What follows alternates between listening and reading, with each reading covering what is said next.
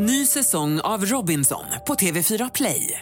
Hetta, storm, hunger. Det har hela tiden varit en kamp. Nu är det blod och tårar. Fan händer just nu. Det. är Detta är inte okej. Robinson 2024, nu fucking kör vi! Streama söndag på TV4 Play. Du lyssnar på en podcast från Expressen. Ansvarig utgivare är Thomas Mattsson.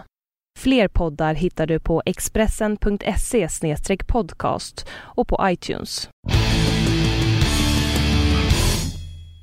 Hej och välkommen till Allt om bilars podcast. Jag heter Jan-Erik Berggren Jag heter David Jakobsson. och med oss i studion idag står Maria Lantz som jobbar på Peugeot Sverige. De som importerar Peugeot-bilar. Välkommen! Tack. Maria är här och tittar till oss lite grann Mm. och har vandrat runt på redaktionen. Mm. Tyckte det var mycket att titta på. Är jätteimponerad. Allt som man kan tänka sig finns ju här. Ja, TV, podcast. och lite sån papperstidningsproduktion också. Mm. Ja, det blir kul att du är här. Det är alltid du som brukar visa nyheter för oss annars. Ja, precis. Det var roligt att få komma hit och se vad ni pysslar med. Ja. Väldigt Visst. intressant. Vi ska prata ännu lite mer om Peugeot eh, inom kort men vi måste väl börja nere i södra Spanien. Ja, du har och varit där. eh, provkörning av nya Volvo V90 och S90 som var där också. Mm. S90 körde ju jag uppe i norra Sverige på en väldigt hemlig tillställning. Så att eh, fokus nu låg ju såklart på V90. Och, Berätta nu då, Jan-Erik. Vi, har, ju- vi, har, vi har ju V70 som har varit Sveriges mest sålda bil. År efter år efter år. Alla har ju kört en V70. Nu går ju den i graven och nu kommer V90 istället. Är det här den nya folkhemskombin? Eh, ja det tror jag. Fr- framförallt därför att de har lyckats få ner priset väldigt mycket på den allra billigaste som kostar då 319 000. Mm. Och då får man ju en ganska grundutrustad bil men ändå en väldigt bra bil. Vad innebär en grundutrustad bil? Eh, ja men man får ju minsta dieselmotorn och man får ju inte fyrhjulsdrift. Men man får med alla säkerhetspaket och sånt. Så att, eh, den är ju väldigt säker bil Mm. för de pengarna. Och hela modellprogrammet kommer att hålla sig mellan 319 och upp till kanske strax över 500. Och då pratar vi T8 hybriden, eller? Ja precis. Som Mm. kommer i höst. Den fick vi inte köra. Vi fick bara köra D5 Mm. bilar. Okej. Inte Eh, Det sniken. fanns T6 år också men jag körde bara D5 år. Mm. Mm, nej, inga sneak-varianter. Nej, nej. Maria, vad, vad, har du haft en Volvo någon gång? Eller är du född med Nej. Peugeot? Faktiskt inte. Jag har åkt Volvo men jag har inte ägt någon eller haft det i min familj heller. Men du har jobbat på Volvo? Ja, det har jag. Ja. Ja. Och då körde jag S40, då lanserade vi S40 i Paris. Och det var 20 år sedan drygt. Mm. Tiden går. Volvos utvecklingschef eh, Peter Mertens förklarade eller sa där under visningen att det här var första gången de kunde känna sig riktigt stolta över att ha en stor sedan i sitt modellprogram. Är, Så han en sågade, sågade, sågade. S, S80 ganska rejält där. Men eh, det märks överlag att de är väldigt eh, nöjda med att ha fått bygga de här bilarna helt på egen hand som de säger utan någon inblandning och utan några kompromisser. Mm. Ehm, Jag pratade länge med deras eh, projektledare Victoria Falksund som är affärsmässig projektledare för hela 90-serien. Hon började för fem år sedan och brukar säga att jag började när det roligare, roliga började. Mm. Men hon sa att det märks väldigt tydligt på allas i, i projektet att de som var med under Ford-tiden tycker att det här är väldigt kul och trevligt och bra på alla sätt. De har fått bygga det så som de vill göra. Ehm, så det är väl bra. Det är bra självförtroende i, i, i Volvo. Mm, undrar ni något annat?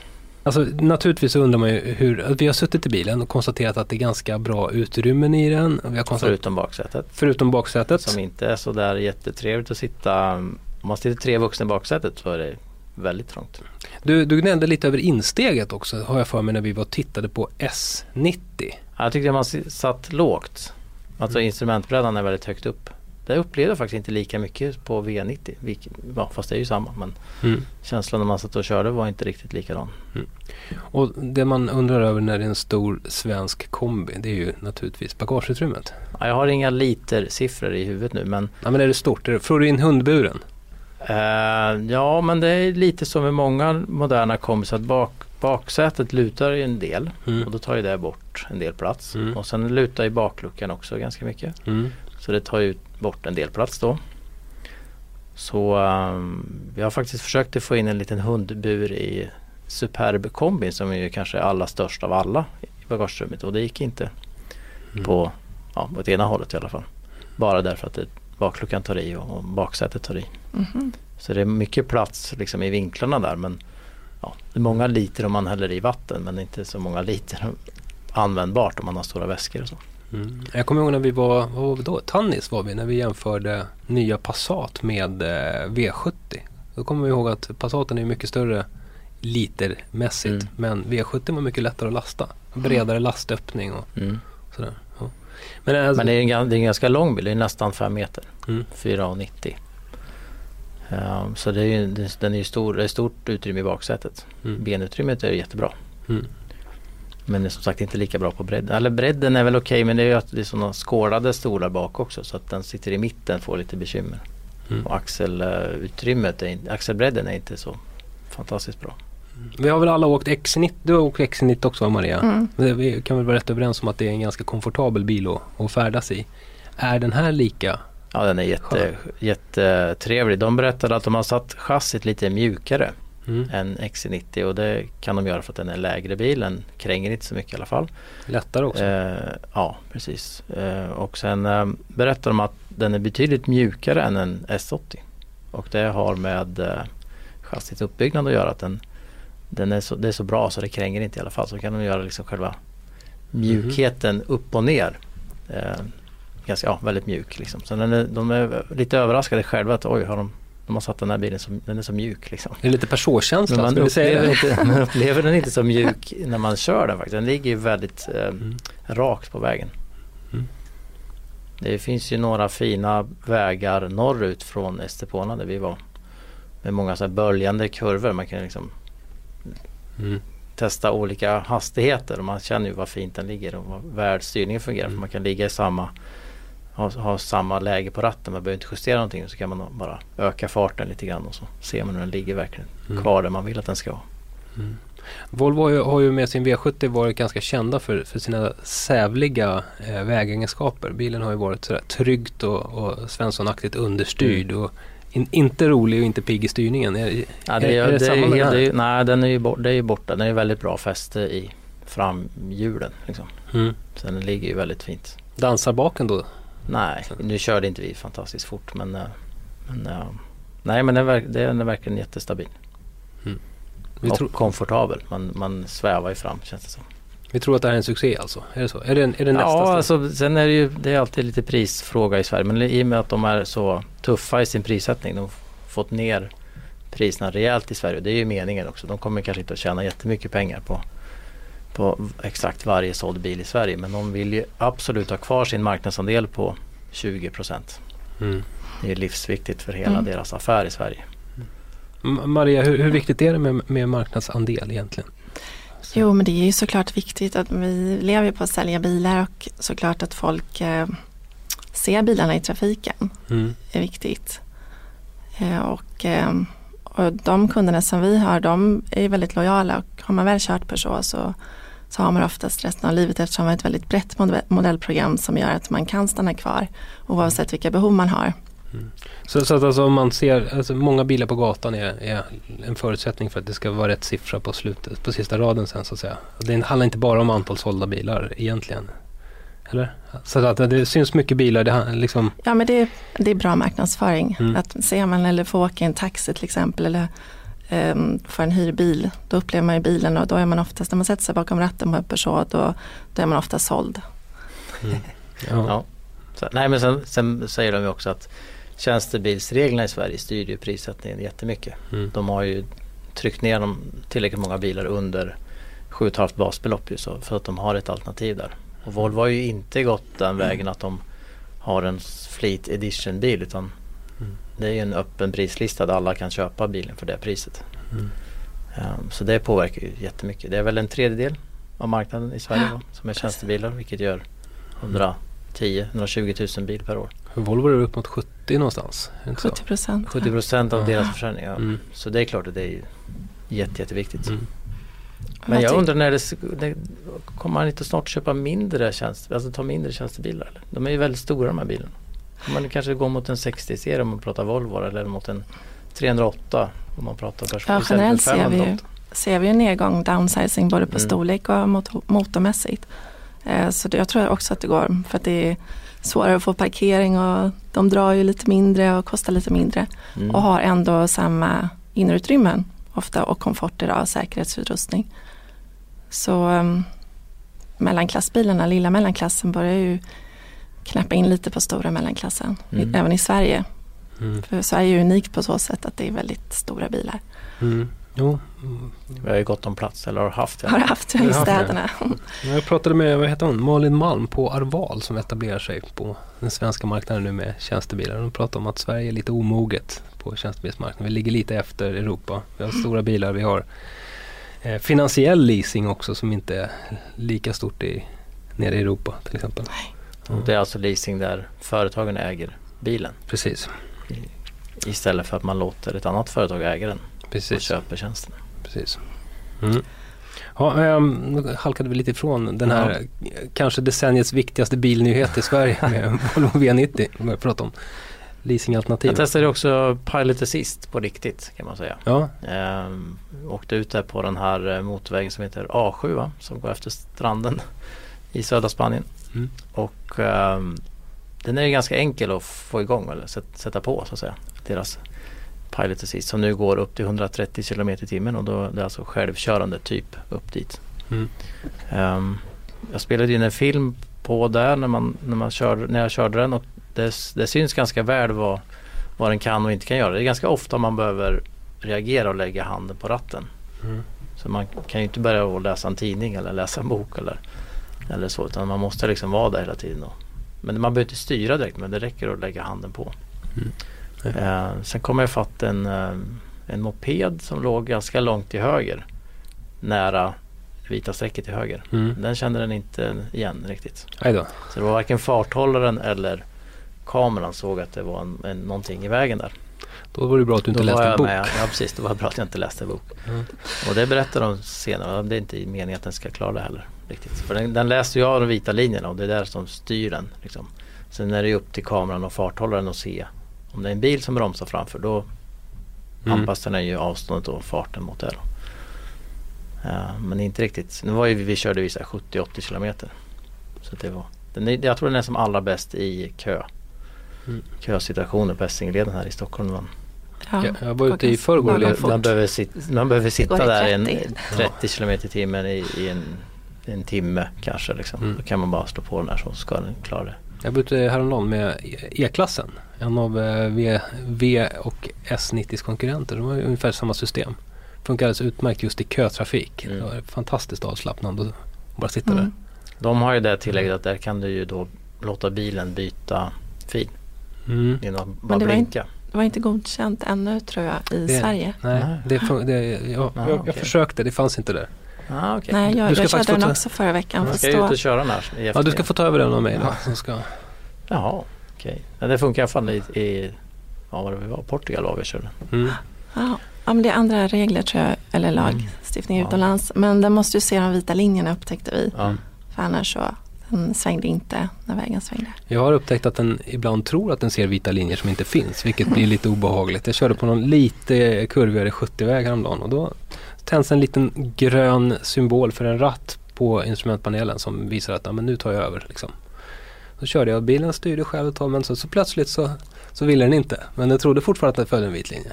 Och Då, bara, Mm. då eh, fick jag ju rädda bilen från en, en, refug eller en trottoarkant eller vad det var. Det var Ja, systemen kommer utvecklas Ja. väl hela tiden. pratade, vi pratade Vi- vi faktiskt hoppas my, det. mycket om det här med en annan projektledare på, på Volvo för 90-serien, Håkan Ivarsson som är mer teknisk eh, och produktionsprojektledare. mm.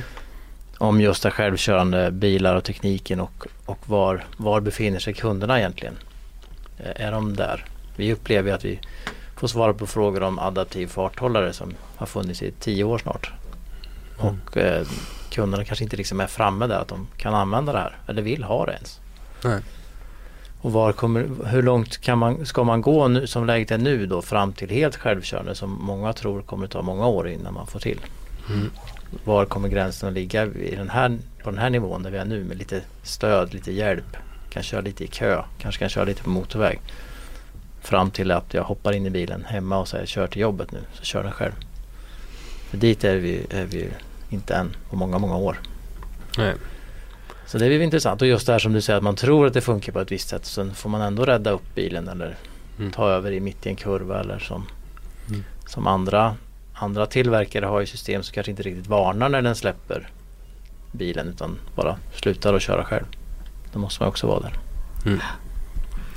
Mm, har Peugeot självkörande bilar än? Nej, fast det forskas, eller det är ju på gång Ja. och eh, de utvecklar ju eh, successivt med nya hjälpmedel Mm. som till slut och när lagstiftning och allt finns på plats och människor är redo som du säger att införa det. Men jag tror aldrig att det kommer bli direkt att bilen kör själv utan det är ju alltid föraren som har ett visst ansvar. Men det kan ju vara som hjälpa till och man kan, köra, man kan vara mer avslappnad kanske eh, när man kör om man har de här stödsystemen. Mm, och man kan undvika sådana här dumma saker som man kör på någon bakifrån i en kö eller Ja precis, för ofta är det mänskliga faktorn. fotgängare Eh. för man sitter och textar. De tror att de kommer spara mycket pengar på både småskador, plåtskador och de kommer spara pengar i samhället om man, om man får till de här systemen. Mm.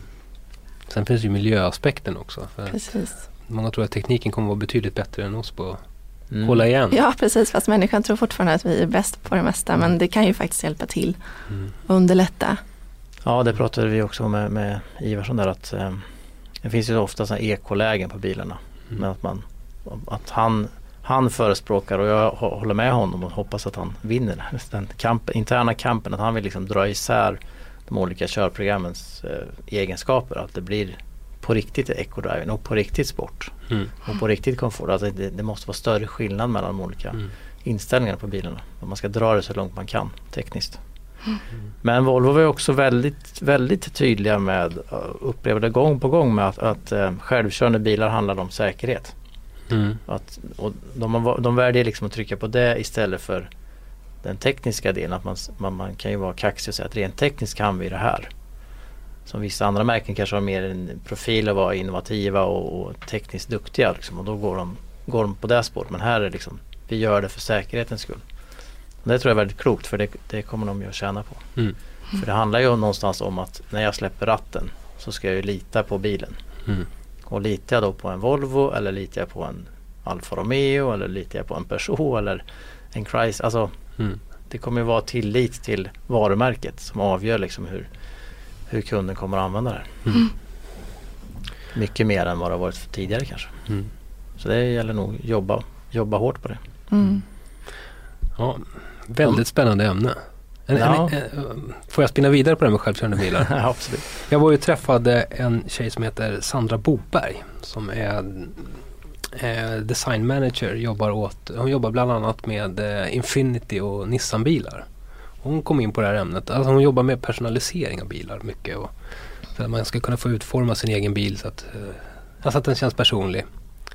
Eh, och nu handlar det väl mest så om att man väljer färg på klädseln och nå- något litet klistermärke här och där. Så här, en speciell lack på eh, på sidospeglarna och sådär och nya fälgar. Men eh, och, när hon tittar in i kristallkulan och ser självkörande bilar så kommer det här bli något helt annat.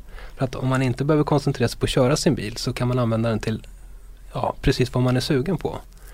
Kanske vill man ha den som en underhållningscentral med tv-apparater och med kaffekokare och med musikanläggningar. Eller så är det en grej för barnfamiljen.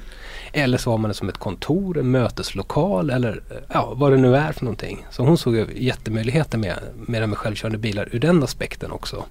Det tyckte jag var spännande att tänka sig. vad som, Okej, då kan jag, det är inte bara att köpa en Volvo, vad det då heter, V190 eller vad den kan heta i framtiden. Utan då är det ju liksom så här, köpa sin bil och tänka vad ska jag använda den till? Ja, alltså, film edition. jag ska ju åka, åka, åka såklart liksom med den, men vad vill jag göra när jag åker bil?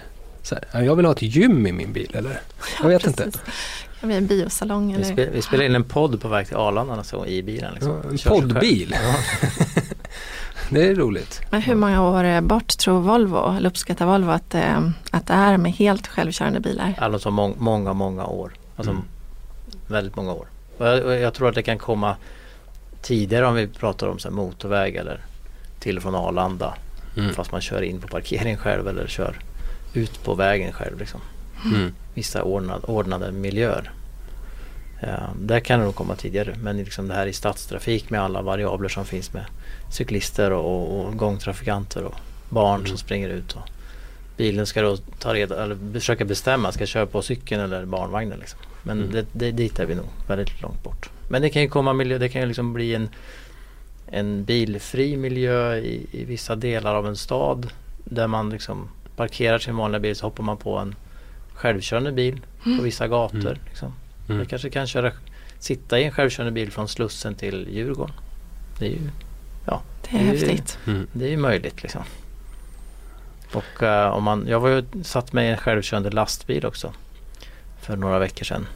Det pratade vi om i förra podden men, men de pratar ju också om det här att bussar kan, kan liksom vara självkörande. Alltså du kanske har en förare i den första bussen Mm. men du har två bussar till bakom som ligger i, i, i kö och väldigt, väldigt eh, ja, platseffektivt då. Tar lite plats liksom.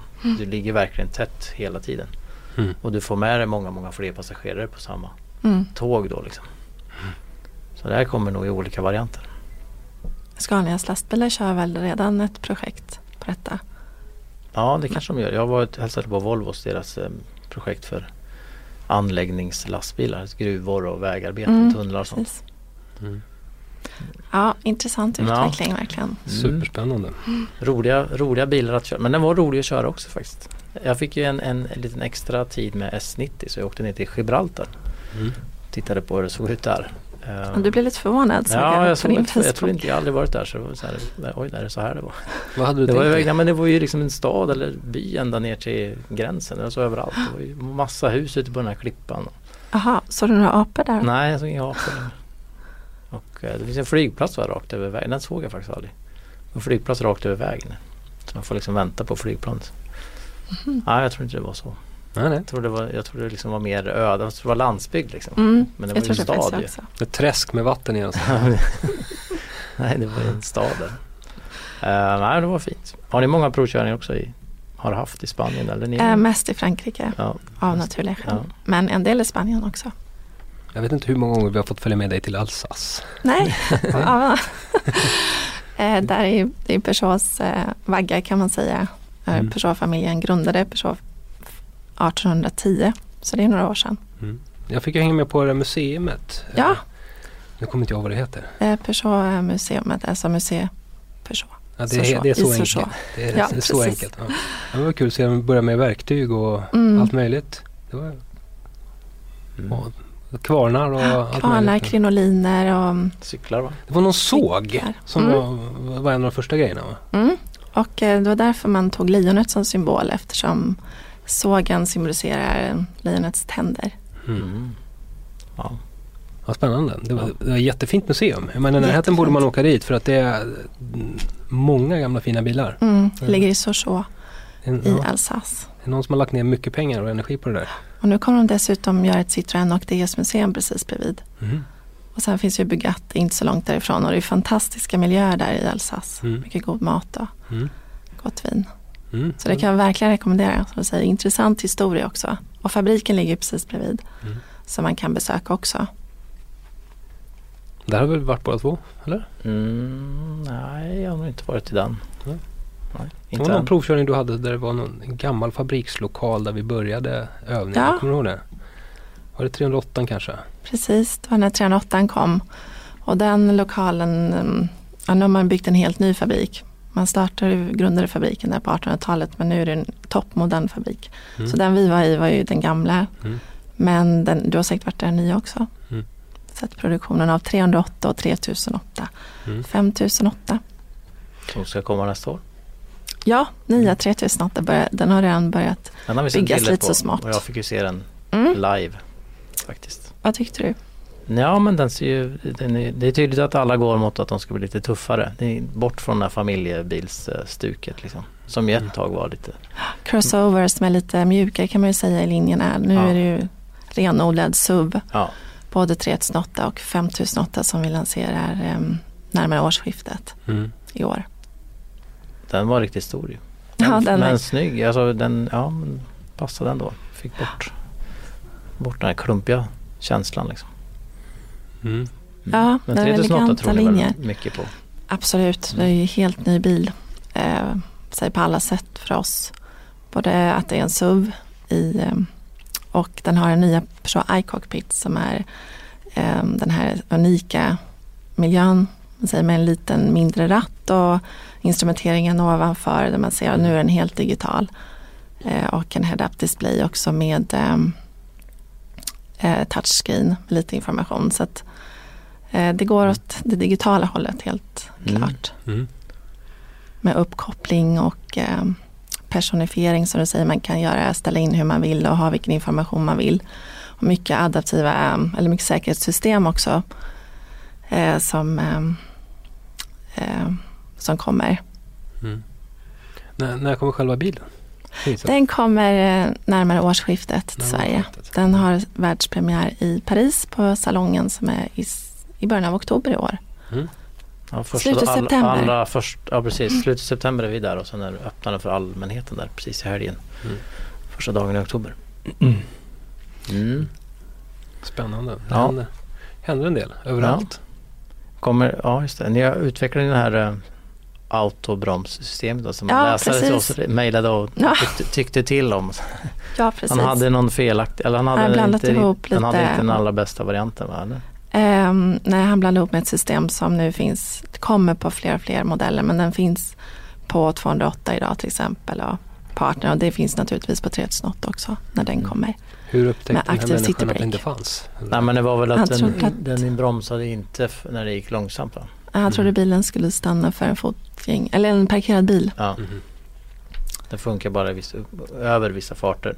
Men han körde inte in i bilen. Jo, han gjorde ju det. Då var han lite missnöjd med det och tyckte att det var bilens fel. Jag förstår att han blev missnöjd. Fast han hade blandat ihop systemen som han hade då på sin bil. Mm. Man ska nog ta reda på vad det är för system i bilen. Eh, Mm. kommer, ni kommer ihåg den här Mm. XC60 någonstans i... Var det Ja. någonstans? Ja, de skulle också prova och körde, Det var- det körde var nå- på några Det människor. var någon som ställde... Ja, just det. Nej, det var Indonesien någonstans. Indonesien och sånt där. Någon handlarbil sådär. Som Ja. ställde, ställde en kille upp sig framför bilen och körde bara rakt full kareta mot honom. Så, så var det bara smack. Kanske ska prova med något annat första gången. Ja, Volvo var inte helt imponerade. De, de sa den gången att ja, men för det första om man då gör en sån acceleration så talar man om för bilen att man ändå vill ha kontroll över det. Ja, det hela. Och för det andra så när vi tittar på bilen så ser vi att den inte är utrustad med systemet. nej. Så här, nej, det- Nej men det här, det här är inte, det här är ett kommer ett problem att förklara för ägarna. Det var ju det lite vi var inne på förut att var, var befinner sig bilägarna någonstans och Mm. kunderna liksom. Mm. Är de redo för den här tekniken? Vill de ha den ja, överhuvudtaget? Jag kan tycka mycket av de här filassistenterna, alltså håll bilen kvar i filen, är lite för besvärliga. Man stänger av dem.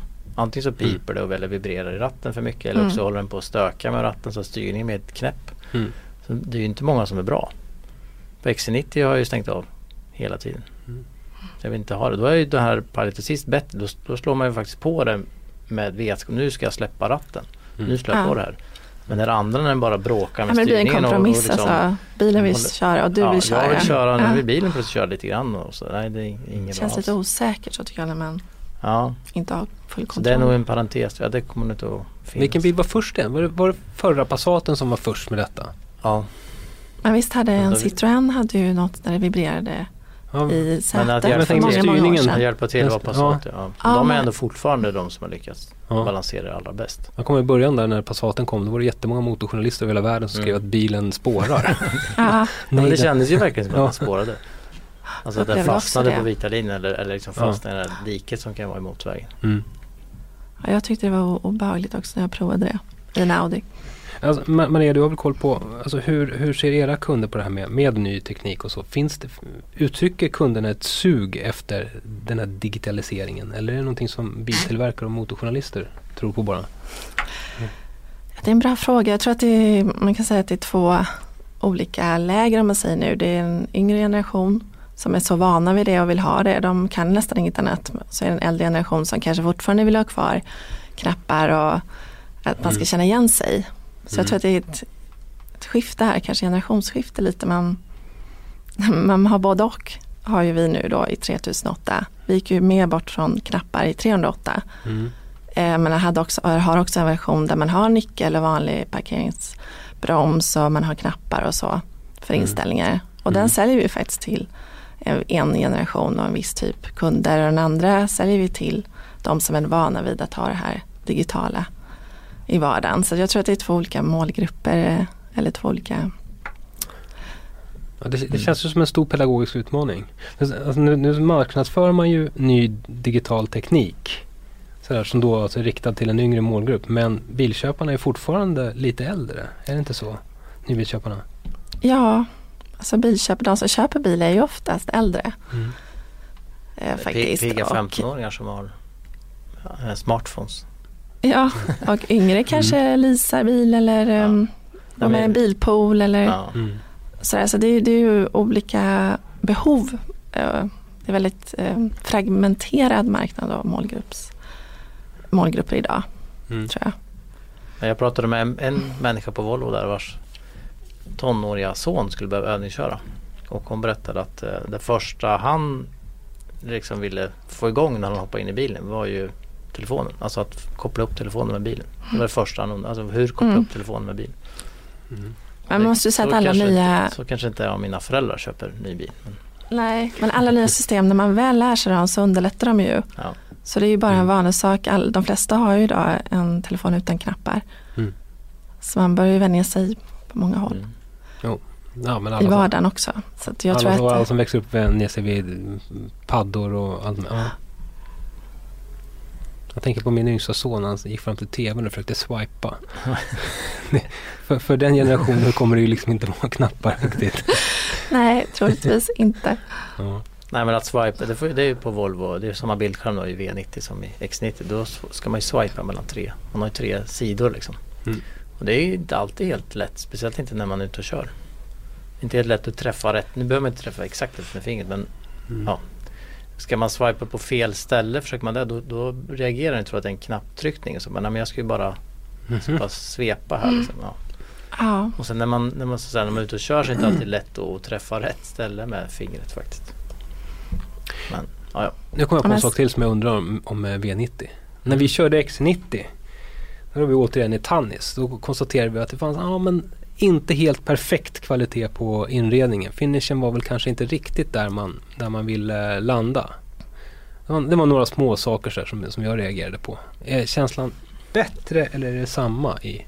Ja, det är Det är ungefär samma. Men eh, eh, återigen så har jag ju klagat lite på, på just baksätet. Alltså man kunde ha ryckt upp nivån lite grann på baksätets Mm. finishen. Liksom. Hur man, hur man, vad man kan göra där och hur, ja, hur man mår där bak.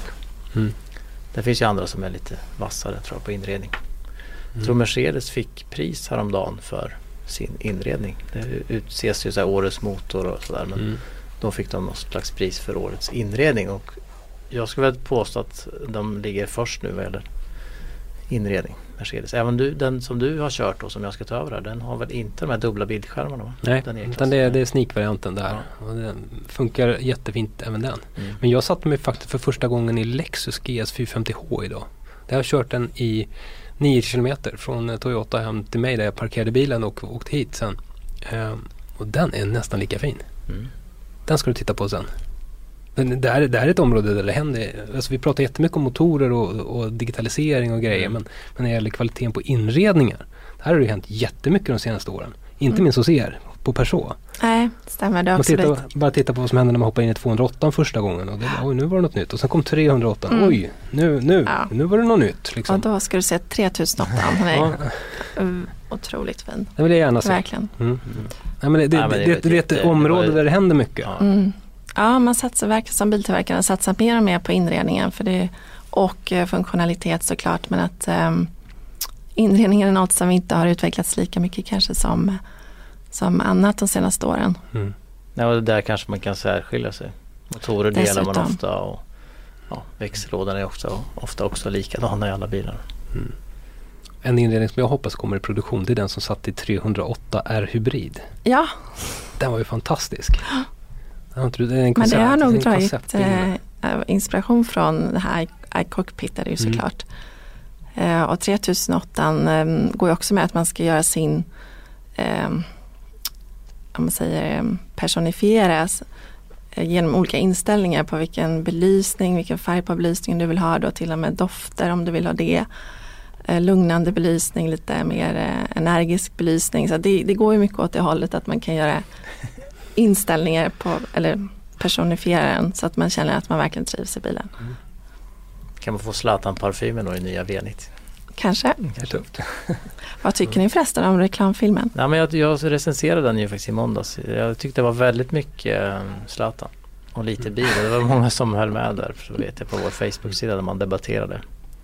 Jag gillar ju Zlatan så det är inte mig emot så men det var, det var ju mer hans story än, än eh, Volvos story. Mm. Och jag skrev en text som kommer imorgon i tidningen just om hur Volvo reagerade, inte så mycket på filmen men han gjorde ju också en intervju för tidningen Scandinavian Traveller som man kan läsa om man åker SAS. Mm. Eh, och där, där gjorde han en intervju med journalisten Camilla Tolstoy där han sa att Volvo var ett litet företag innan han började jobba med Volvo. Det, kan säga, det föll inte i så god jord hos de Volvo-anställda. Som tyckte kanske att de, var, de har varit ett stort företag länge. Mm. Eh, så man förstod på Volvo där, eh, de som var i Spanien, att det här var väl inte riktigt helt bra men samtidigt kunde man inte gå ut och säga så mycket. Å andra sidan så är det ju kanske inte en tidning som sprids över hela världen riktigt så. Nej, Jo det gör den i och för sig, för planen åker över hela världen. Men, Ja. men eh, det är ingen jätteupplaga. nej men det kommer nog kanske att märkas ändå. Det är många som har reagerat just på det uttalandet. Han jämförde med när han började spela för Inter så att inte de vunnit på länge och nu, sen hade de vunnit. Men, eh, ja, men de gillar ju Zlatan så jag tror de håller sig lugna. Mm. Vad gillar du då? Är det som du säger mycket Zlatans historia mer än man ser bilen men eh, jag funderar bara på hur, om han är lika känd i Europa eller han är ju otroligt känd och omtyckt i Europa Mm. och på de stora marknaderna. Han har ju spelat i alla länder, Italien, Frankrike, England, Mm. Holland. Spanien menar jag, ja inte England men Nej, Spanien. inte Spanien. Och nu England då. Ja, kanske. Kanske Eh, England. men är han lika känd och omtyckt eh, ehm, i Kina till exempel och USA som Volvo har? Nej. Viktiga marknader. Ja, men han- men de, Men de kanske pratar- inte visar filmen där. Nej, om man Jo men jag tror att det är en worldwide. Nej, det Mhm. tr- nej, de pratar om det. Den är nog, eh, de har inte riktigt klart. Okej, Nej, jag tror att det är en, till att börja med en Europa. ja, Mm. och då är det ju klockren Mm. säkert.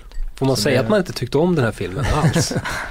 jo, jag, jag, det- jag tyckte den kändes så här pretentiös och det var så väldigt storslaget och bombastiskt och tuffa, tuffa Zlatan. Det var, jag fick lite så här Rocky 1-vibbar Mm. där på något sätt. Ja det var ju verkligen hans Man- historia. Men har ni tänkt på, för, det var det förra filmen de, de var så mycket, eh, spelade på olikheter. Den här, var det 40 senare eller Made in Sweden? Just, Just det, med våras eller Mm. Made by. People. Ja, Made by People, precis. Den hyllades ju enormt och inte minst internt tror jag. Ja, man, man såg på men den sociala var medier. fantastisk. Ja, man såg på sociala medier hur de, hur de själva liksom delade och var stolta över den. Så Mm. Det har ju inte fått samma, det har inte varit samma effekt med den här. nej. Jag har inte så, sett samma liksom, interna hyllning. Nej. Men jag tror att det, det är nog ändå bra. Och de erkänner, de har ju nått nya grupper med, med liksom kopplingen med Zlatan. Säkert. Eh, sen tror jag att man ska ju inte se, man, man, de kommer ju inte visa hela filmen så där många gånger tror jag. Eh, men det, man får ju se klipp sen. De klipper ju ner filmen så det blir kortare versioner Ja, i flera Mm. i an, nya reklam. Nu hade de väl köpt hela pausen va, på, på landskampen i måndags. Eh, så de sände hela filmen där. Men, Men det är ingen tvekan om att Zlatan är allas absolut största favorit. För nu, jag var på den här eh, vänskapsmatchen inför EM då i Malmö i måndags. ja, det var då då, TV4 hade köpt. Ja, och då, ja precis. Då, det var ju så här, ja, men det var ju bra match men det var ju inte några större så här, publiken stod och klappade och jublade och så här. Förrän storbilds, Zlatan kom upp på storbildsskärmen. Mm. Då ställde sig folk upp och applåderade och skrek liksom. Och han var inte ens med i matchen så det var ju lite så här. Ja. Det märktes att han var den stora stjärnan oavsett om man är på, Mm. Mm. på plan eller inte. Så att, eh, han är ju enormt populär. Det var ju nästan 18 000 människor där. Mm. Alla åldrar och du vet, så, här, så Mm. han är ju Nej, men de, jag, jag lyssnar på andra poddar och där spekulerade man om man ska spela i OS. Eh, som är i Brasilien i, i augusti. Och då nämnde man, då, skulle, då pratade man om att han kommer kanske vara en av de största idrottsmännen i hela OS om han åker dit. Oj, Så att de säger topp fem i världen liksom på. ja det är så. Mm, det är väl han och Ronaldo och Neymar då kanske om de kommer dit. Men, eh, Men det passar väl bra. Jag har ju skrivit en liten avslutning på den här texten om reklamfilmen där jag gissar att eh, han kommer att fortsätta jobba med Volvo och kanske med deras eh, systermärke Geely Mm. inför deras lansering av ett helt nytt bilmärke i Europa. Men tror ni att Jag tror att Zlatan kommer att vara med på ett hörn. Ja, Volvos målgrupp, är de lika eh, entusiastiska eh, fotboll och, och gillar Zlatan? Lika mycket, alltså den målgruppen. För det är ändå 70% företagsförsäljning som du säger. Ja, det tror jag faktiskt. Jag tror, I Sverige tror jag nog att det kan vara så. Ja. Det, det, är ett, fortfarande- det är väl ett fåtal som inte liksom, tycker om det där. Men, men, Och i Europa eh, så är fotboll stort. Men det är ju Europa, ändå, man, det är väl ett sätt att bryta igenom i Europa. Liksom, att, att liksom märkas i stormen. De är ju en sån pytteliten spelare ute i Europa. Mm. Så att det, ja, det är ett sätt att bara märkas. Eh, Det, det är ju lite speciellt hur, hur vi i media hanterar den här reklamfilmen för en ny bilmodell.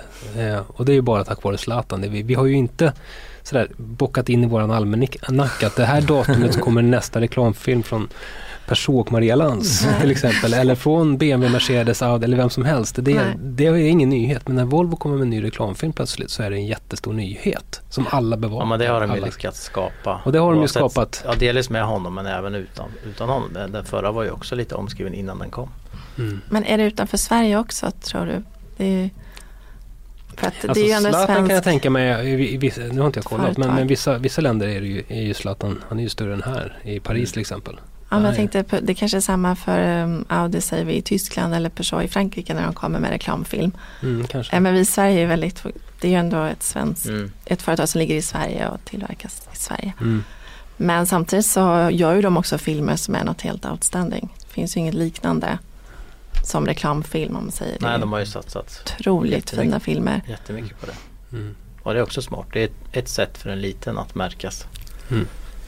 Mm. Mm. Det, skapar, det skapar premiumkänsla med den här typen av filmer. Med, dyr, med dyra reklamfilmer. Det gör faktiskt det. Men det är lite med storytelling Mm.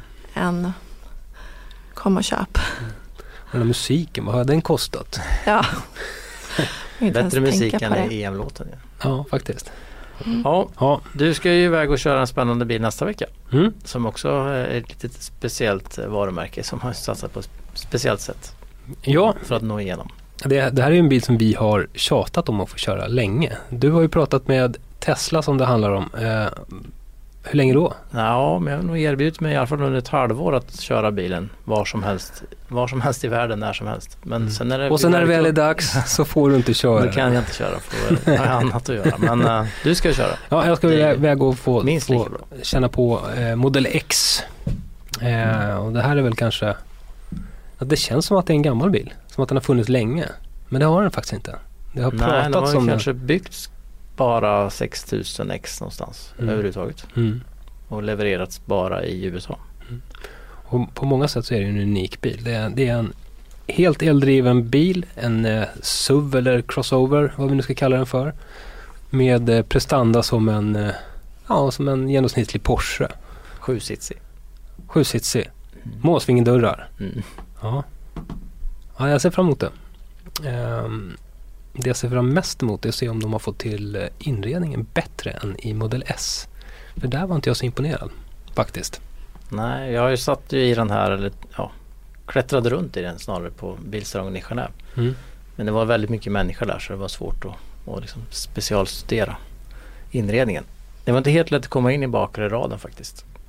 Bakre stolsraden, de här två stolarna som är allra längst bak. Men Du är å andra sidan ganska lång. ja, ganska ovig. Lång och ovig. Ja. Men eh, de är ju spektakulära de här dörrarna på sidan.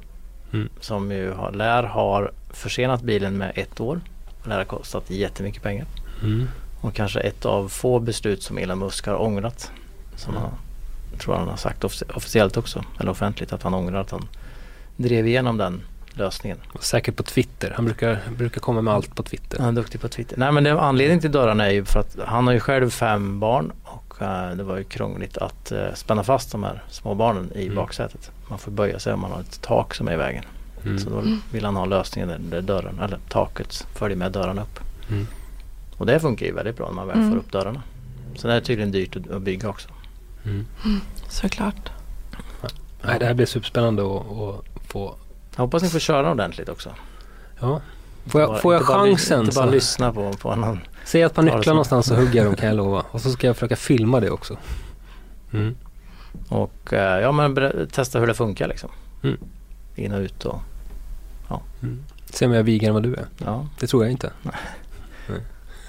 Nej men det är, ju- där är ju risk med en sån eh, ska säga, tidig lansering som, som de ändå hade för den. Alltså visa upp den väldigt tidigt. Som de gjorde nu också med modell 3. Ehm, och som ja, Volvo visade ju X90 väldigt väldigt tidigt. För att vara dem. Mm. Nästan ett, hela deras lansering var väl ett år typ på, Mm. på X90. Så det måste ni, det måste ni ha tänkt på eh, i bilbranschen. Hur ska man liksom, när, ska man, när ska man visa bilen? När ska man ja, visa den på en salong? När ska man ha, Mm. börja sälja den? Och när ska man ha prov? Alltså det, är, det är inte bra att ha för kort tid och inte bra för, Nej. för lång tid heller. Liksom. Men man kan ju verkligen säga att det, det blir längre och längre tid innan bilen kommer på marknaden. Det är så. Och det är också Ja. för att man ska kunna testa dem eh, väldigt noga innan man börjar med serietillverkningen. Eh, Mm. För att få bort eh, eventuella barnsjukdomar. Och som tidigare så spottades det ut bilar hela tiden och det gör det ju fortfarande men nu tror jag det är betydligt bättre just man har möjlighet att testa bilen innan eftersom man visar den tidigare också då är den inte helt konferentiell om man säger Nej. utan man kör och innan tillverkningen börjar. Är det också för att man är, man är sugen på att visa upp något nytt? Alltså känns det som vi måste ha något, vi måste ha något nytt här liksom. Ja, det är väldigt teknikrace kan vi säga. Vem blir Mm. först med olika innovationer och då vill man ju visa det på salonger eller Mm. eh, att man är på gång liksom. Sen kan det dröja också då i, innan den kommer. Sen har jag undrat nu när, när du ändå är här kan man passa på att fråga. Hur, hur långt, hur mycket vet du liksom om modellprogrammet framöver? Hur många år före har ni fått någon slags information? Liksom? Nu nämner du 3008 och 5008 Mm. som men Ja, du, det är du några- inte säga modeller förstås. Men Nej, jag, eftersom jag jobbar med ett franskt eh, företag så har jag som är i Sverige då kanske sett det för två år sedan. Men Frankrike började ju för åtta år sedan med den här 3008 förmodligen. Mm. Eh, så det är ett team, det är ju så långa ledtider innan. Bilen lanseras. Så det gäller att känna av trender och veta vad som kommer.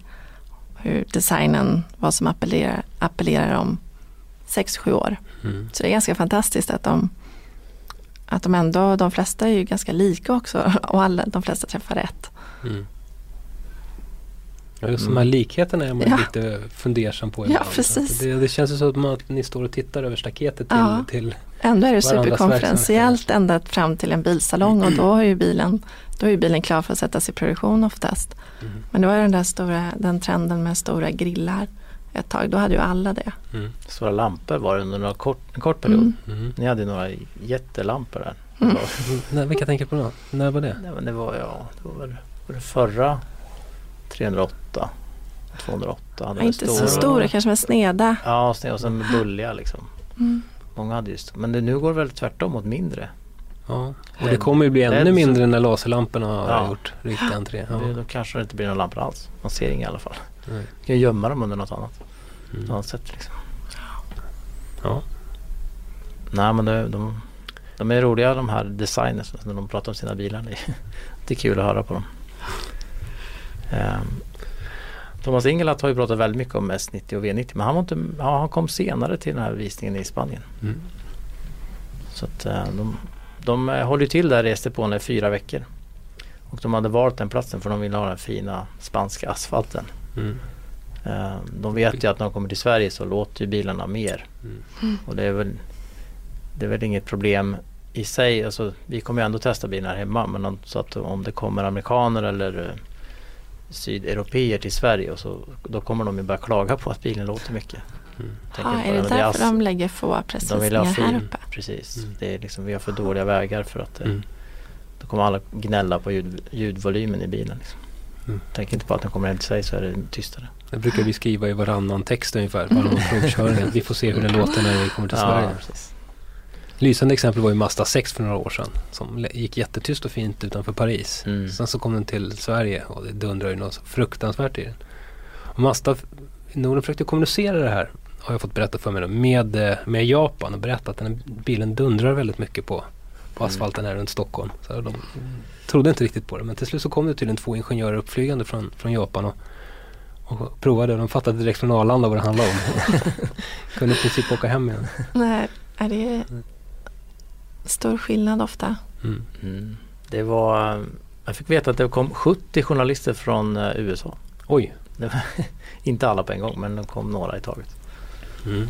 Eh, samtidigt som vi kom så kom också ett gäng från Indonesien men ja, de, nej, de kom dagen efter. Ja. Det var några från USA som kom för att vila ut först innan de körde. För de kunde inte komma helt jetlaggade. Men från Indonesien flög det in några som skulle på direkt och köra när de landade. Varför får vi aldrig de förmånerna? En extra natt att sova. Vi får alltid köra jetlaggade och eländiga. Ja. Orättvist. Ja, visst. Nej men man, man fattar ju det att det, var, det är inte så lätt för de här från USA och Asien framförallt att bara åka till Europa hela tiden och köra, köra ja, bilar. just det. Långa resor. Mm. Men i fyra veckor ska de köra dit hela, hela världens eh, journalister och handlare brukar också vara med va? Ja, Mm. Tar ni alltid med? vi är tar alltid liksom med ja, innan. En gruppresa med handlare innan Mm. också? Ja, ett OF-konvent ofta innan. Jag Hur träffade- många, ja det beror på hur många man har då men, men Men det är hela världens handlare också. Så Ja. det är ett lika stort evenemang som för journalister. och de får köra och De får köra och de får... gnäller de då? Eller är de Nej, glada? de är ju så glada att få en helt ny fin bil att sälja. Eh, oftast. Men eh, åker ni aldrig till Asien och provkör eh, de asiatiska bilmärkena? de, brukar inte, de brukar hålla sig till Europa de också. Det Faktiskt. brukar vara i, i samband med någon salong så kan det vara någon Mm. speciell någon, någon vätgasbil, alltså någon sån här udda Mm. bil som kanske inte är sådär. Mm. Ja, det tar tid innan den kommer hit men de vill ändå visa upp den. Liksom. Jag har aldrig varit med om det. Aldrig kört bil. I USA har ju varit och kört. eh, Ja. USA och Sydafrika. Ja, sen har jag, jag har varit i Kina och Japan men inte för att köra bil utan för att titta på Titta på spännande saker. Ja. bil, bilar eller fabriker. Ja. Ja. Ska vi nämna något om, uh, ska vi kan hinna med kanske långtestbilen? Vi har ju bytt långtestbil. Apropå Eller Asien. byta. Ja, Jag var ju faktiskt och tittade i Japan på när den byggdes. våran testbil byggdes kanske. Ja, det var det faktiskt. Mm. Jag åkte, åkte faktiskt till eh, utanför Nagoya eh, där, eh, där Mitsubishi har fabrik. Fick följa med produktionen och åka och se när den skeppades iväg och sådär. Ja. Sen mötte jag upp den i Malmö. Ja. Körde hem den till dig. Och nu, ska, nu har vi haft tre olika varianter av Mitsubishi Outlander Plug-in Mm. hybrid. Och den ska tillbaks idag helst om den är på lite tvätt och rekonditionering här i källaren. Mm. Eh, till familjens stora besvikelse så blir de av med den här. De gillar verkligen att sitta i den. Den är väldigt bekväm att åka i på alla platser. Mm. Vi pratar om baksätet i Volvo. Det här är ju helt platt baksäte så man sitter väldigt bra. Fem personer. Hur känner du själv? Väldigt, Jag, väldigt jag, bra utrymmen. Alltså. alltså jag, eh, om jag har en testbil så är jag nu i regel less på den efter en sån där tre, fyra dagar.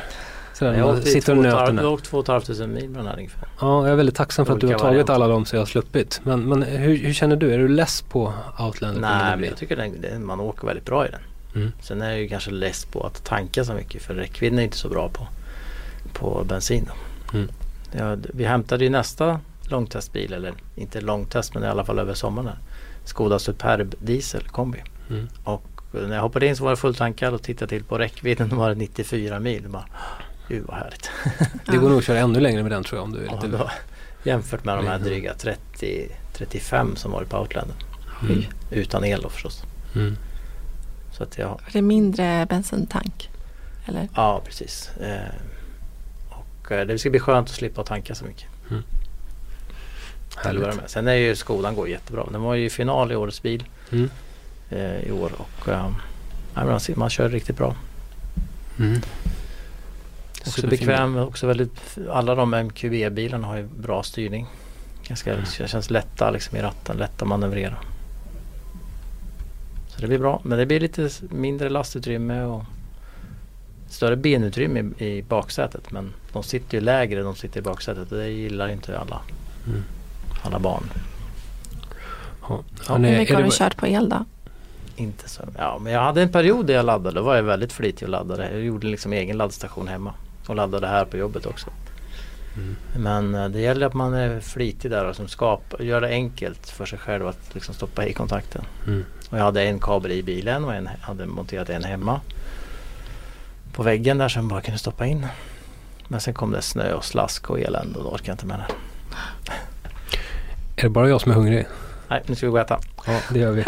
På återhörande då. Tack för att du Mm, kom att jag Lycka till och med alla med. nya personbilar och alla andra bilar. Ja, tack Mm. snälla. Bra.